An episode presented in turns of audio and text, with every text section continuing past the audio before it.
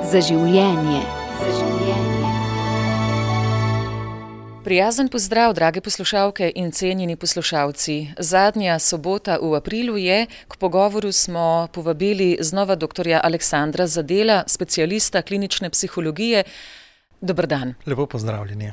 Ko sva se na zadnje srečala, gospod Aleksandr, sva doživela, no, vi z vašimi mislimi izreden odmev.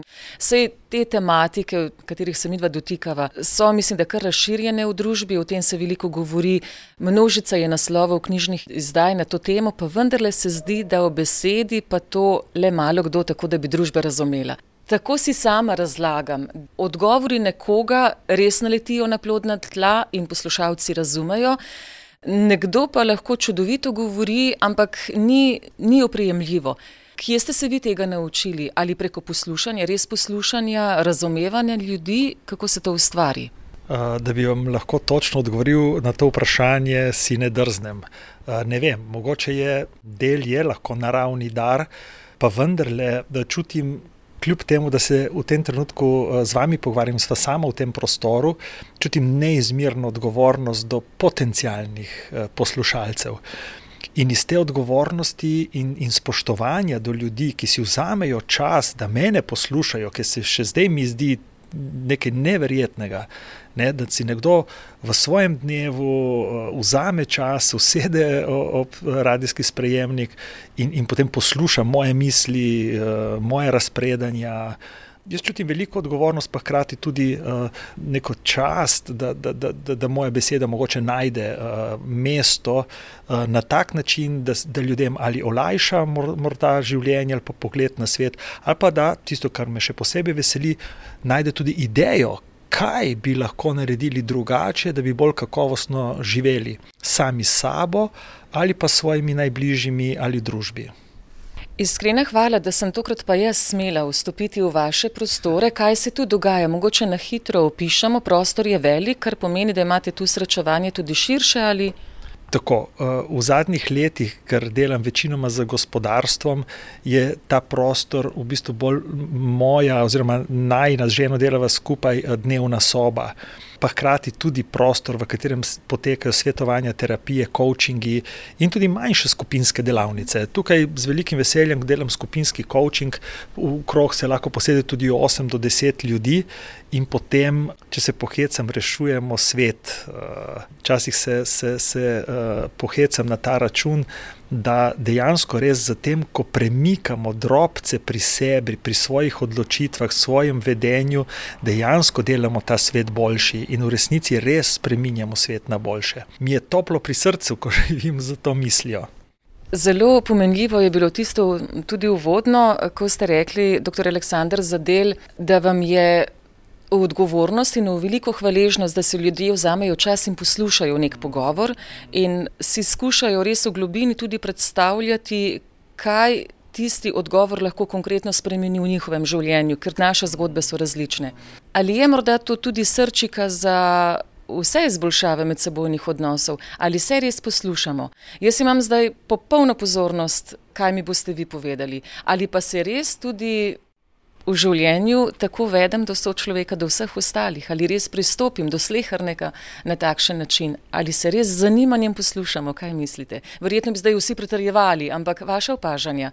Pogosto se zgodi, da smo veliko bolj kot s tem, kaj ima zapovedati sogovornik, obremenjeni s tem, kaj želimo mi povedati.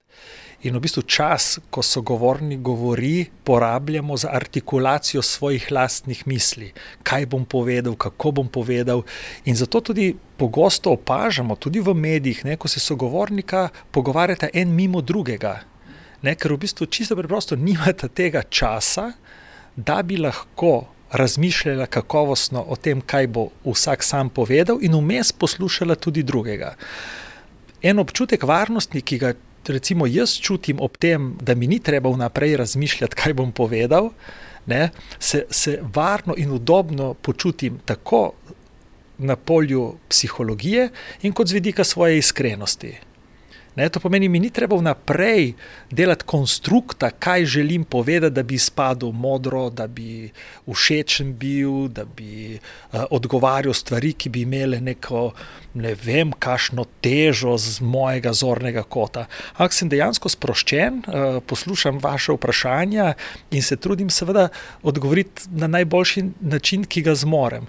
In najboljši način, ko govorim z. z ljudmi, ki jih ne vidim na drugi strani, je, da sem jasen, konkreten in kar se da uh, preprost. Stvari se dajo zelo, zelo kompleksno ali zakomplicirano povedati. Ampak, če sem na znanstveni konferenci, če, če predstavljam nek članek, neko raziskavo. Potem je logično, da bom uporabljal določeno terminologijo, ki zelo, zelo osko, specifično in natančno uh, govori o določenih psiholoških, recimo, fenomenih. Če jaz govorim z ljudmi, z mamami, očeti, partnerji, eh, otroci, mladostniki in tako naprej, se mi pa zdi izjemno spoštljivo, da se približam načinu, ki je za druge razumljiv, ne ki je meni morda v nekem trenutku uh, blizu. Tako da uh, lepota mojega dela je, da je tako uh, pestro, različno, kompleksno in da se z veseljem prilagajam. Je kdaj tudi prezahtevno? Zelo rada vprašam svoje sogovornike, posebej, če so z tako strokovnega področja kot vi, dr. Aleksandr Zadel, kako razbirate ta trenutek v družbi. Čutite kakšne premike ob toliko vloženega dela različnih strokovnjakov, kje smo, smo kje obstali, se vam zazdi, da je kakšen vrtinec, v katerega nas vedno znova vleče, ali smo že zmogli prestopiti kakšno stopnico? Uh, čeprav morda na prvi uh, pogled izgleda, da ne samo da stagniramo, ampak da na katerem področju celo nazadujemo kot družba. Uh, se mi zdi, da je poleg prvega pogleda potreben še drugi ali tretji, in tako naprej, in potem lahko vidimo tudi veliko dobrega. Seveda so mm, stvari, ki so narobe, mm, boleče in tako naprej, eh, veliko bolj prisotne, torej so veliko bolj glasne. Ne? Ljudje, ki delajo stvari narobe, so veliko bolj glasni kot tisti, ki delajo prav. In potem zgleda, da je eh, trpljenje, bolečine, slabega veliko več kot dobrega. Ampak enkrat je ena modra gospa rekla, ne, da dokler smo tukaj, je zagotovo več prav kot narobe. In to je eno tako moje življenjsko vodilo, ko je še tako težko, uh, poskušam razmišljati, da če sem jaz tukaj in živ in z vami, je zagotovo več prav kot narobe. In tudi če se uh, nismo istega mnenja, in tudi če je kdo zelo, zelo nastrojen proti komu, ne, se mi zdi, če se pogovarjamo tukaj in smo v neki komunikaciji, je več prav kot narobe.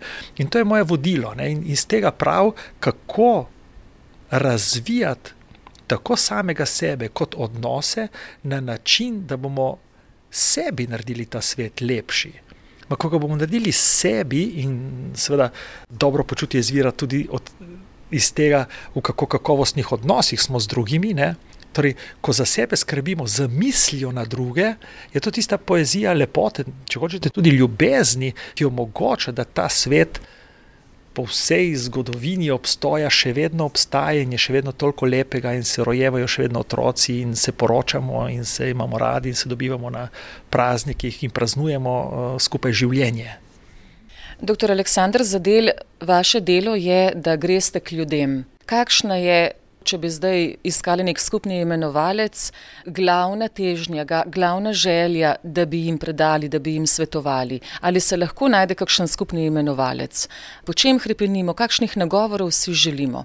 Če povzamemo vse to vaše delo in obiskovanje različnih krajev, do zadnjega kotička te domovine, do ljudi greste. Kaj je skupni imenovalec? Jaz mislim, da skupni imenovalec uh, potreb ljudi je, da bi živeli kakovostno življenje. Uh, mislim, da imamo vsaj v naših krajih to srečo. Pustimo zdaj posameznika, govorimo o družbi kot taki, ne, da vprašanje fizično življenja, živeti ali umreti, ne, ni ključno vprašanje modernega človeka, uh, sodobnega človeka v, v Sloveniji. Ne. Uh, ja, vse nas čaka ta čas, uh, vsem se je zgodila nesreča, uh, huda diagnoza in tako naprej. Ampak vendarle smo večinoma osredotočeni na kakovost svojega življenja in se ukvarjamo s tem, kako biti kakovostno živi. No, in to je ta skupni imenovalec. In, in, in moj poudarek, zopet, če bi ga dali na skupni imenovalec, se nanaša na to, ne, kako iskati rešitve v sebi, ki nas zbližujejo z drugimi ljudmi. Torej, ja, je prav, da se ukvarjamo s sabo, ma ne s sabo zaradi sebe, ampak s sabo zaradi tega, da lažje, bolj mirno, suvereno, varno in zaupanjem vstopimo v medosebne odnose. In to je zagotovo tisti dejavnik, ki najbolj vpliva na to, kako zaznavamo svoje življenje kot polno, vredno, uh, lepo, uh, kakovostno. Zdaj sva zadela pa verjetno v srž tudi najnega pogovora, bova potem razvijala naprej in skušala razložiti, da bi v polnosti razumeli poslušalci. Večkrat se spomnim, mislim, da je bila vaša trditev pred leti, ko sva se prvič srečala, ko mi nekdo nekaj pove. Pa če bi jaz in ob meni še kdo poslušal neko trditev, pripoved, jo jaz razumem lahko povsem drugače kot ta drugi, ki jo ravno tako sliši, pa so besede iste in izgovarja jih samo en človek. Zakaj na to pozabljamo? Da besede nimajo za vse enakega zvena, da misel ne ponese nekega sporočila, ki bi ga vsi enako razumeli. Daleč od tega, če sto ljudi sliši tisto sporočilo, lahko se zgodi, da pride do sto različnih razumevanj. Torej, kje je tu potem množica konfliktov? Se zgodijo zato tako hitro. Zakaj na to dejstvo tako pozabljamo? Da je moje videnje zgolj samo moje, da vsaka beseda odmeva od drugega v meni, zelo po moje. Uh, lejte, modern človek je vse čas naslavljan z pripričanji. Bodi to, kar si, uresniči sebe, realiziraj se, uh, dej največ od sebe. Torej, vse čas ti, ti, ti, ti, ti. In dejansko, ko vse čas, na, jaz sem povedal, zdaj ta zelo neposreden način nagovora družbe, predvsem po, jaz tem rečem potrošniške družbe, na pomen posameznika in še vse te uh, subliminalna sporočila, uh, torej sporočila, ki se jih niti ne zavedamo, ne, ki nagovarjajo moj ego, moj jaz. Ne, mojo veličino, mojo lepoto, mojo, mojo enkratnost, mojo neponovljivost. In seveda, ko ljudje dejansko sprejmejo, uh, sopet zavedno ali nezavedno, uh, to dikcijo, ta nagovor, mm, se z lahkoto počutijo, kot da so začetek in konec vsega. Ne, in dejansko, če jaz tako vidim eno stvar, če jo tako čutim, me frustrira, kako jo vi ne vidite na tak način. Ne, mi, mi ne slavimo drugačnosti. Drugačnost je bistvo življenja. Torej, ni nekaj boljše ali slabše, je drugačno. To, da smo mi dva drugačna, bogati ta prostor. Seveda, modernega potrošnika ta drugačnost frustrira in hoče imeti enak telefon in še boljši, ampak hoče imeti boljši, ampak se zaveda, da boste tudi vi hoteli imeti boljši. In, in, in v bistvu je, je v, v, v, potro, v formulo potrošništva ukorporirano nezadovoljstvo, stalno nezadovoljstvo, ki ga poskušamo obvladati z novim potrošništvom. In to je ta peko, ki ga modern človek, eh, poleg še kakšnega ostalega, živi vsak dan obseden od prepričanja, da je res enkraten, neponovljiv, kar sicer je in poseben, ampak zaradi tega nič več vreden kot nekoga drugega. Ne? In to enkratnost danes spreobračamo v, v posebnost brez primere. Torej, uh, vsak človek je, je bitje, ki je neponovljivo, samo zaradi tega nič več vredno. Ampak danes se mladi, oziroma ljudje, ki so nekaj dosegli, in tako naprej, res počutijo več vredni od drugih. In zato so tako obremenjeni s seboj in s prepričanjem, da so nekaj več in da je nesmiselno poslušati druge, ali pa sploh se ukvarjati z njihovim pogledom na stvari, ker se jih tako oni že vejo, kako je prav in kako bi moralo biti in kako je. In tukaj, seveda. Um, vnašamo s takim pogledom uh, vase in v, drugo, v druge ogromno nemira.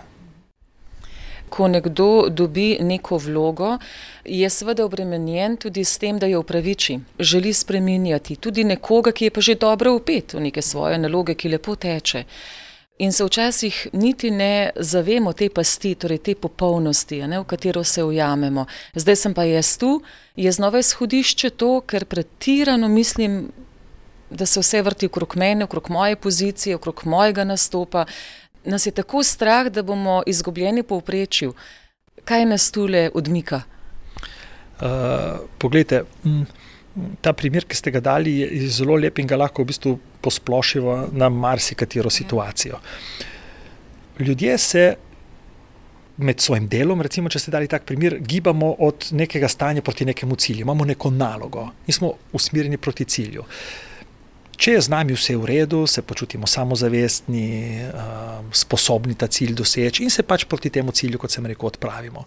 Zdaj, če se na poti pojavi kakršna koli ovira, ovira je lahko drugo mnenje, lahko druga oseba, lahko pomankanje časa, pomankanje informacij in tako naprej, se začne seveda, ker se ne pomikamo več proti cilju, se, se ta energija ob tej oviri ustavi in se začne kopičiti. Vsako kopičenje energije ob oviri mi dojemamo kot frustracijo. Ne? In ta energija se bo prej ali slej sprostila. Lahko se sprosti v kreativnosti, v taki, ki je zaželjena, lahko je pa ta eh, kreativnost zelo, zelo destruktivna. In spet ta destruktivnost je lahko usmerjena proti sebi, ljudje se sekirajo, izgubljajo občutek lastne vrednosti, izgubijo uh, pozitivno samopodobo, ne, ne na zadnje padejo v depresijo uh, in tako naprej. Ali pa se seveda ta energija kreativno sprosti v destruktivnosti na vzven. In tega danes ogromno opažamo, ko so vsi drugi krivi za to, da jaz nekaj ne morem, da nekaj ne zmorem, da jaz sem seveda superioren, ampak ker ste vi taki, kot ste, jaz ne morem ciljev doseči. in je ta agresivnost lahko fizična, psihična, boh ne da je spolna in tako naprej. Je pa seveda možno to energijo uh, spremeniti v kreativne rešitve, ki pa dejansko delajo ta svet boljši, ki vključujejo različno misleče ki v bistvu pomagajo, da ljudje, ki so drugačni, ki, ki, ki imajo ne na zadnje tudi take in drugačne težave v svetu, uh, ki ga živimo, telesne, psihične, fizične ne, težave, uh, ti so še posebej vedno blizu mojemu srcu in, in moji misli. Ne. In te ljudi lahko z kreativnostjo vključimo v vsakdanje ali pa v strateške rešitve. In to je delanje lepšega sveta ko v bistvu nam težave, na katere naletimo, ker prej ali slej bomo naleteli na izzive, bomo naleteli na ovire na poti do cilja, ne, nas delajo boljše. In tako jaz vidim življenje. Ovira ni nekaj, kar bi nam oteževalo življenje, ampak je priložnost, da iz sebe naredimo več, da postanemo boljši človek. In zadnje čase se zelo, zelo ukvarjam z vprašanjem, ne, in seveda tudi odgovoren, da je v resnici trpljenje nujen pogoj za zdravo, polnovredno in lepo življenje. Ker je včasih paradoksalna misel, ker vsi lepimo po radosti v življenju in potem se nekaj zgodi in mi se tako začnemo obremenjevati, zakaj pa zdaj, kje sem skrenil, kaj sem še povsem neodporen. To je nek paradoks. Tega trpljenja ne, ne maramo, ga, ga odrivamo proč, vemo pa, da če tudi tega izkustva ni, potem bo sčasoma zbledelo tudi to vedenje, da mi je lepo, da sem radosten, zadovoljen in vesel. Verjetno je neizogibno. Eh, drži. Zopet mi smo manipulirani z percepcijo tega, da, da je bistvo v življenju, da nam je lepo, da je lahko, da je lagodno uh, in da, so, da je to res pravo življenje, ne, da smo vse čas srečni, zadovoljni. Uh, ampak to je zanesljiva, hitra pot v depresijo, brezvoljnost, obup, nezadovoljstvo, brezperspektivnost in tako naprej. Uh, kar pomislite, ne, kaj vas z drugimi ljudmi bolj zbližuje. A da ste na eni zabavi skupaj dve uri, ali pa da skupaj rešite en zahteven izziv, uh, kaj vas bolj poveže z ljudmi. Uh, po drugi strani, kaj vam da več samozavesti, ne? da počnete trivijalne, preproste stvari, ali da ste sposobni rešiti zahtevne izzive. Ne? To so uh, prava vprašanja.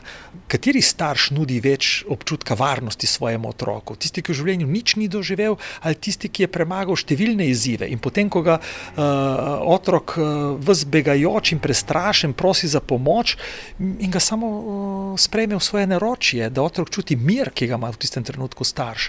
Ma starš ima mir ne zaradi tega, ker je do takrat v življenju bilo vse v redu, ker ve preko svojih izkušenj, da bo v redu da bomo zmogli premagati te stiske, v katerih živimo.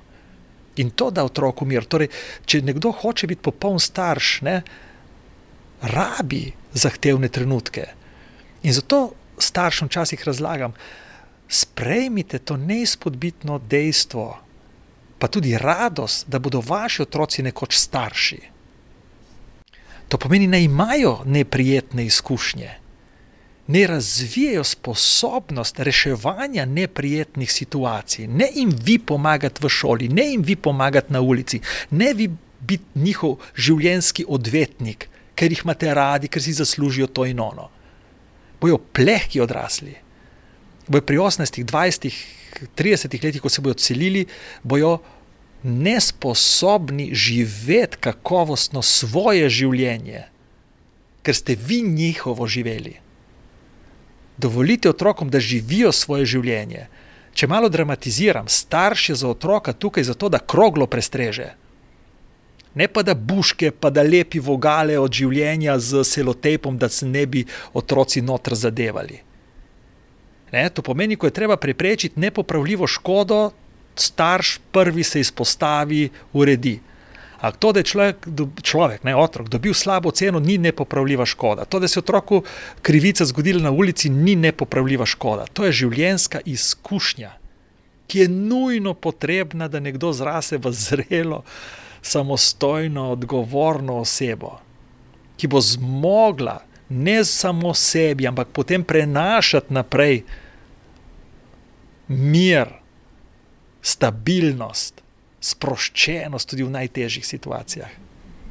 Sveda, tu vmes je pa ogromno dela ne? in so konkretne situacije, o katerih bi se lahko še in še pogovarjali, ker verjamem, da smo prav tu na zelo spolskem terenu. Ne vemo, kako odreagirati. Pride domov z neko zgodbo otrok, ki je doživel krivico, v nas se takoj oglasi prizadetost, joj pa ne mojemu otroku in potem naredimo ravno tisto, česar si ne želimo, da bi bila njegova popotnica v življenju. Tu se zelo težko zaustavimo in spregovorimo o neki kulturi miru. Dostikrat izberemo neko kulturo nestrpnosti, sovraštva, zamer in podobnega.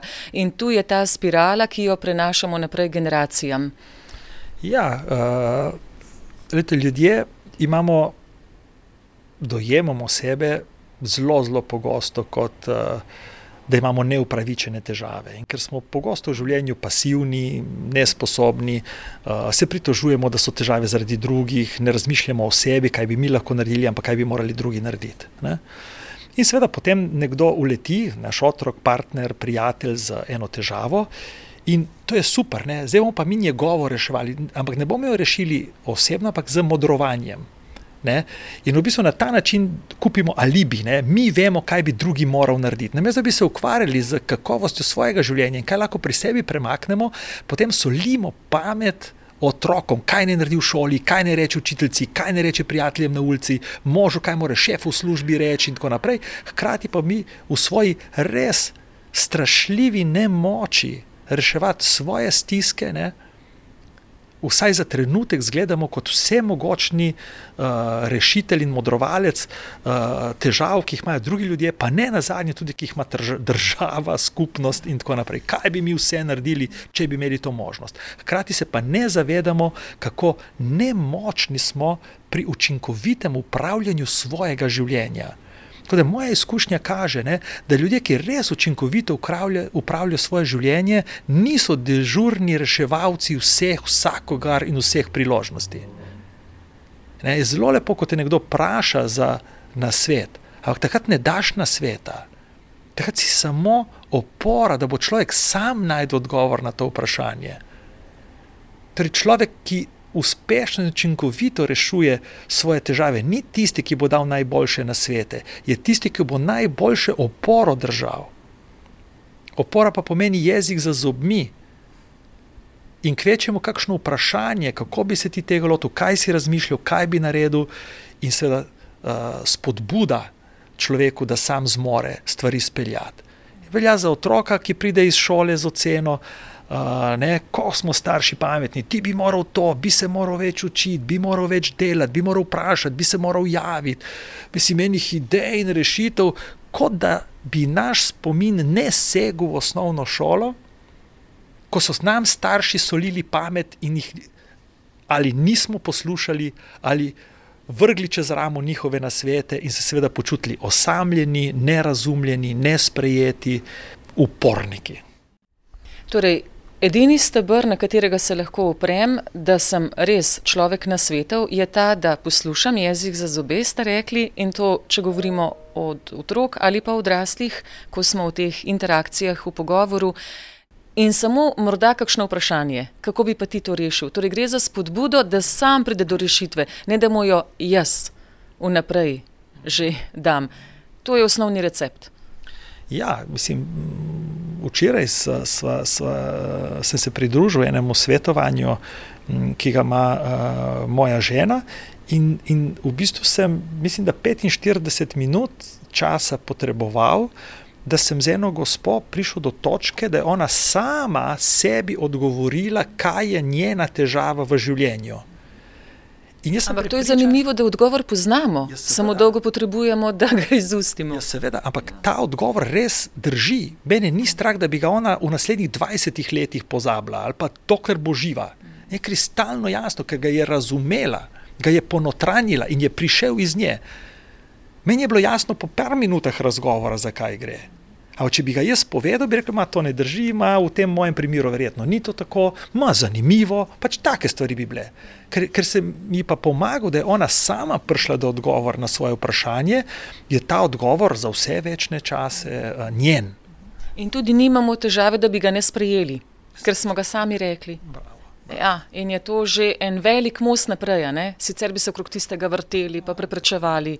Tako da velika umetnost, ne, eh, tako terapevtskega kot svetovalnega dela, je, da v bistvu pripeljemo ljudi do odgovorov, ne, da jim omogočimo, da lahko ponotranjijo izziv, ki ga imajo na tak način, da so asociacije, do katerih pridejo, ne, tehne, da se ne zanašajo na ne vem, uh, kaj je kdo rekel, kaj je kdo naredil, na travme iz preteklosti, na vzroke iz otroštva in tako naprej. Ne. Doktor Aleksandr Zadel, specialist klinične psihologije, ste po naključju samo vzeli v roke neko drobno knjižico, kjer se je veliko govorilo o samooskrbi. Saj veste, ti strahovi zdaj, kako bo z energijo, kako bo primankovalo tega enonega. Ne glede na to, karkoli se bo zgodilo, verjetno do sprememb ne bo prišlo iz danes na jutri. Če so se spremembe dogajale v plusu, Postopoma se bodo zagotovo tudi v minus, če se bodo. Kako vi gledate na te neke strateške premike, na te napovedi, kako se človek, družba na to odziva? In kako neko spodbudno misel vendarle reči poslušalkam, poslušalcem, ki bodo brali verjetno marsikaj v teh dneh, da je pred nami neka kataklizma. Kako bi nas opremili z kakšno psihološko, res dobro pilulo dobre volje? Uh, ja. Uh, verjetno uh, razne modrosti uh, novodobnih, uh, New Age-ovskih gurujev, ja. ne, vsaka stvar je za nekaj dobra in svet se ne vem kam premika, v, v, in tako naprej. Uh, ja, meni so všeč uh, strateške rešitve. Uh, s tem, da strateške rešitve, seveda, dolgoročno um, nas bližajo željenemu cilju, ni pa, ni, ne ponujajo pa rešitve čez noč. Ne? Jaz mislim, da uh, z določenimi projekti, ki jih opažam, ker dosti delam tudi za šole, ne? ko recimo. Uh, V bistvu šole, ki so običajno uh, na prostorih, razen tiste, ki so v mestih, ne, ker imajo okrog veliko travnikov, vrtov, marsikdo uh, te travnike spremenja v vrtove ne, in naredi vrtičke za otroke, da se otroci zavedajo, kako grah zraste, fižol ali pa uh, kakšen ne na zadnje. Uh, trud je potreben za to, da mi pridemo do kakovostne hrane. Ne, meni se to en tak pristop, ki v bistvu me čudi, da, da, da, da ni širše raz, razširjen. Um, ker bi pomenil na področju ozaveščanja trajnostne rabe prostora, okolja, hrane, energije. Uh, ključen, torej, naučiti se nekaj iz knjige, ker je nekdo tako rekel, ali pa imeti osebno izkušnjo, je popolnoma drugače. To je ena stvar. Druga stvar, ki se mi zdi pomembna, je ta, uh, in mislim, da je to, to idejo imel eden od prejšnjih koperskih županov, ne, ker ko, ko, ko, ko so mu malo bolj kot anekdotično povedal, ne, ko je zvedel, da so v Kopru lačni ljudje, je rekel, lete, koliko občinske zemlje je, koliko je ima uh, skladne kmetijskih zemlji, zemljišč še nerazporejenih. In je občina vzela v najem določeno zemljo in je celo poskrbela preko javnih del, da sta dva človeka tista zemljišča uh, osnovno uredila in, in, in poskrbela za neko tako majhno razparcelacijo, vrtičke in tako naprej. In je rekel, ljudje, ki so lačni, le da je vrt. Ne? Nimate denarja za semena, bomo mi najdli donatorje, ki bodo donirali seme za krompir, za karkoli že, javite se. In ideja ni ne vem kako dobro zaživela. Ne? Še vedno je, so vrata na Karitas, čeprav je težko gor potrkati, uh, je tam noter krompir, ki je že obdelan, pobran in je cukor, ki je že tam in olje in tako naprej. Ne? Torej, še vedno ta vrata bolj obiskana kot zmoti, kot ta kos zemlje. Tako, tako da v bistvu je, je uh, jaz zelo, jaz sem, mislim, se ni treba, da, da, da mi je, da, da, da povem, mogoče tako. Uh, Kot opravičilo, ne, jaz sem za socialno državo, ne, samo verjamem, da je daj dam uh, ključ v naravi. Torej, če jaz naravi nekaj uh, vzamem, potem tudi nekaj dam. To pomeni, če v družbi nekaj vzamem, potem tudi nekaj dam, ker to prispeva k mojemu notranjemu duševnemu miru. In meni se zdi z vso odgovornostjo in empatijo do ljudi, ki so v stiskah in težavah. Uh, vse bi jim dal pa še nekaj zdraven, ne? samo uh, ne sprejema teh darov v pasivnosti ljudje. To ni zaradi mene, zaradi vas. Torej jaz ne potrebujem, uh, ko naredim dobro delo, uh, potem nazaj ne vem, kakšne zahvale in tako naprej. Ne? Jaz mislim, da je zahvala, ko nekdo dobi dobro delo, zahvala uh, naravi, da to dobro delo naredi naprej, da naredi nekaj zase. In tudi če je ta tema občutljiva, to je moja najljubša besedna zveza, ne, da ljudje ugotovimo, da je potrebno dvigniti rit. Ne, da, da od tega, da sedimo in se smilimo sami sebi, ni nič na koncu dneva. Ne, in da smo bogi in ne moremo. Ne. Uh, vsi lahko nekaj. Ne. Jaz ne poznam živega človeka na tem svetu, ki ne bi, ki ne bi lahko nekaj prispeval k temu, da bi bilo ne samo za njega, tudi za nekoga drugega nekaj lepše, lažje, boljše in bolj učinkovito. In, in, in to zamenjavo uh, spodbujam, če se le da, s, s enim samim ciljem, ne da bi bilo meni boljše. Da bi bilo drugim boljše, ker želim živeti v svetu, v katerem vidim nasmehe okrog sebe, vidim radost, samozavest, vidim v očeh občutek lastne vrednosti. To je lepota sveta, v katerem si jaz želim živeti. To ne pomeni, da se želim živeti v svetu, kjer ima vsak svoj avto, najnovejši telefon, čudovite obleke in ne vem, kakšna prebivališča. Ampak si želim živeti v svetu, v katerem vidim radost v nasmehih ljudi, ki vidijo, da za svojim delom, svojo voljo, svojo energijo kreirajo lepši svet, lepše okolje. Ne? In, in nekdo, ki ne, ne zmore uh, v firmo hoditi, lahko pa odmakne papirček z ceste. In ne vidim razloga, zakaj to ne bi bilo uh, dostojanstveno vedenje in dostojanstven, da dam in upoštevanje te trajnosti, o kateri govorim. Torej, biti dejaven, ja. potem si pa lahko izbiramo. Pred dnevi je sicer izjava politika, no? ampak me zanima vaše mnenje. Vsi poudarjamo, da si želimo enakosti, da bo poskrbljeno za vse, da bomo imeli vsi dovolj. Ampak v praksi, nažalost, to ni najboljše. Za razvoj človeštva, za razvoj posameznika, znova sva naletela na nek paradoks. Ali to tudi z psihološkega vidika drži?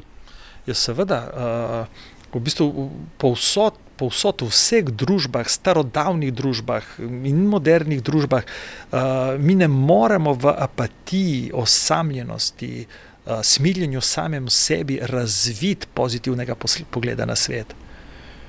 Uh, ni, ni prepuščanje okoliščinam, bolezni, trpljenju, smrti, način, kako bomo ta svet naredili za sebe bolj znosen in boljši. Uh, ne verjamem v to. Uh, jaz sem videl ogromno bolečine in trpljenja, ki se ga ne morejo ljudje zamisliti, razen tisti, ki so kaj takega doživeli.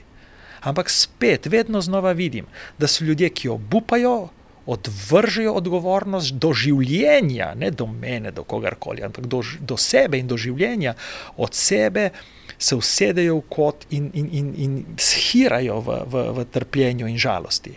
Vidim pa ljudi, ki kljub trpljenju, ne da zanikajo trpljenje, ampak kljub trpljenju ohranijo dostojanstvo do življenja in to življenje živijo z grozljivo izkušnjo, ki jo imajo. Ne, to ne pomeni, da zdaj oni lahko kar hočejo, ampak znotraj tistega, kar jim ta izkušnja dovoljuje, iščejo svoj svet, iščejo svoj smeh, iščejo svojo radost. Ne, jaz, jaz, jaz ne vem, kakšne primere bi dal od ljudi, ki so jim umrli svojci najbližji, do otrok, ki so se rodili brez rok in jih gledam v rehabilitacijskem centru Soča, grem rad tja.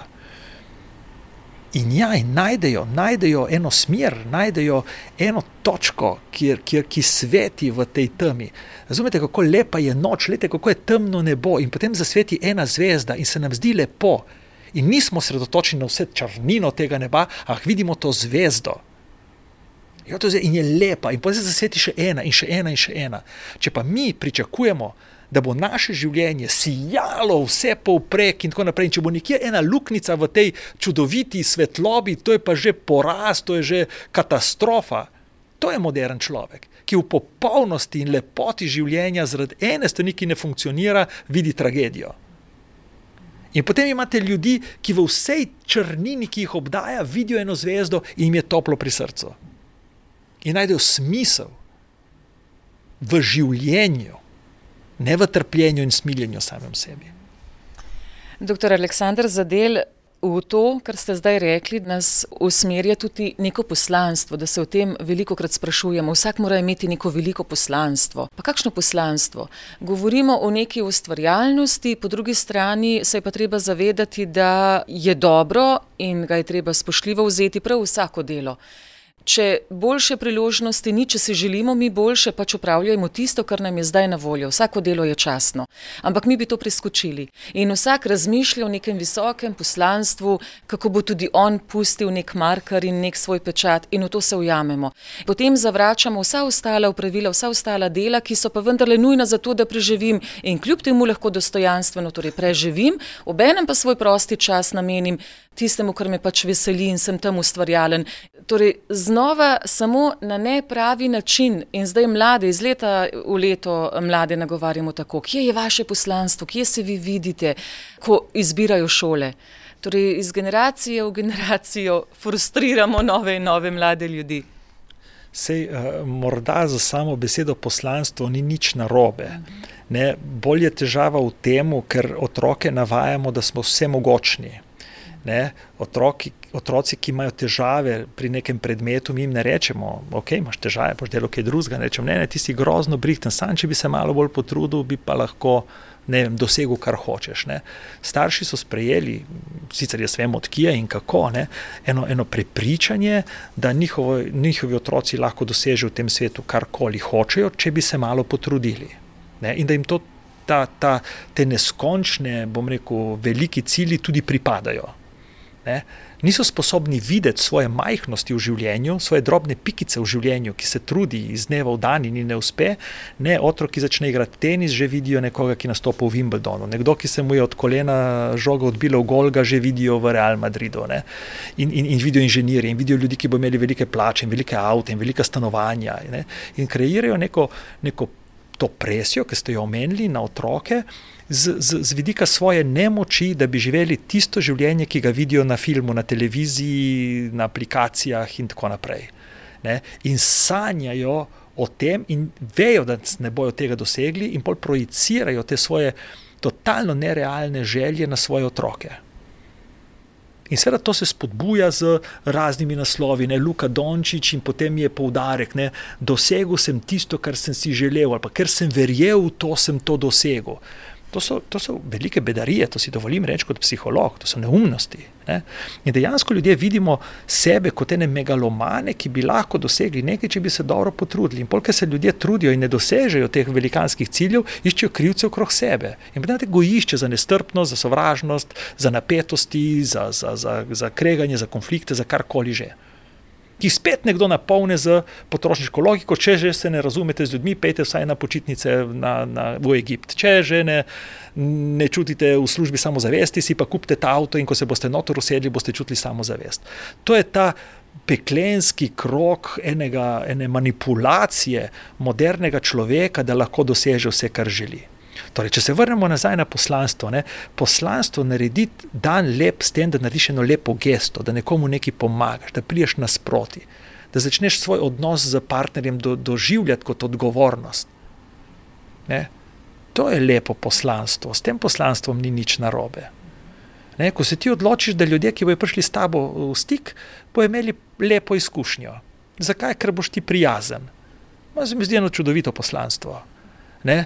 Da bi pa jaz imel poslanstvo, da bom zaradi tega, ker, ker sem pa res pameten, ne, eh, pomagal pri reševanju tihomorskih želv, ne, da bojo zdaj one pa zaradi tega, ker jaz slamice ne uporabljam več, eh, se ne zapletale v plastične odpadke v Tihem oceanu. To je pa ta iluzija, ki je danes moderen posameznik ali pa mladostnik. Ne? Da nič, kar je manj kot reševanje eh, tihomorskih želv, me ne zanima. Torej, če bomo rešili eh, svetovno klimo in klimatsko krizo, pol se nam splača vstati eh, od mize, pa nekaj narediti. Ne. To, da bi pa pometli dvorišče, to je pa itek brez veze, ker bo jutri listje spet padalo. Ne. To je problem modernega človeka. Ne. In to je totalen lepa libi. Ne. Torej, ne bomo poskrbeli za pospraviti kuhinjo, ker bo jutri razmetana, ne. bi pa mi reševali uh, ledenike na Aljaski, ampak žal, ker jih ne moremo, pač sorry, ker nas nihče ne posluša, pač ne bomo nič naredili. Ne in pa živimo v, do kolen, v, v, v, da ne rečemo čemu, ali pa do vratu. Ne? Zdaj smo odprli to tančico, zdaj smo jasno pogledali, kje je naš problem. Lahko v zadnjih petih minutah morda eh, dava, kje pa začeti, kje je pa tisti trenutek, ko se pa lahko odločim za spremembo in jo dejansko zaživim. Jaz mislim, da so dala tudi te istočnice ne? v teh drobnih korakih, ki jih jaz lahko naredim, uh, zato da se lahko boljše počutim v svoji koži najprej v svoji koži, potem seveda v okolju, v katerem živim. Nič ni lepšega, kot gledati rezultate svojega dela. Ne? In rezultati mojega dela zagotovo niso vezani na uspeh te države, Evrope, sveta in tako naprej. Morda niso niti vezani na uspeh družine, v kateri živim.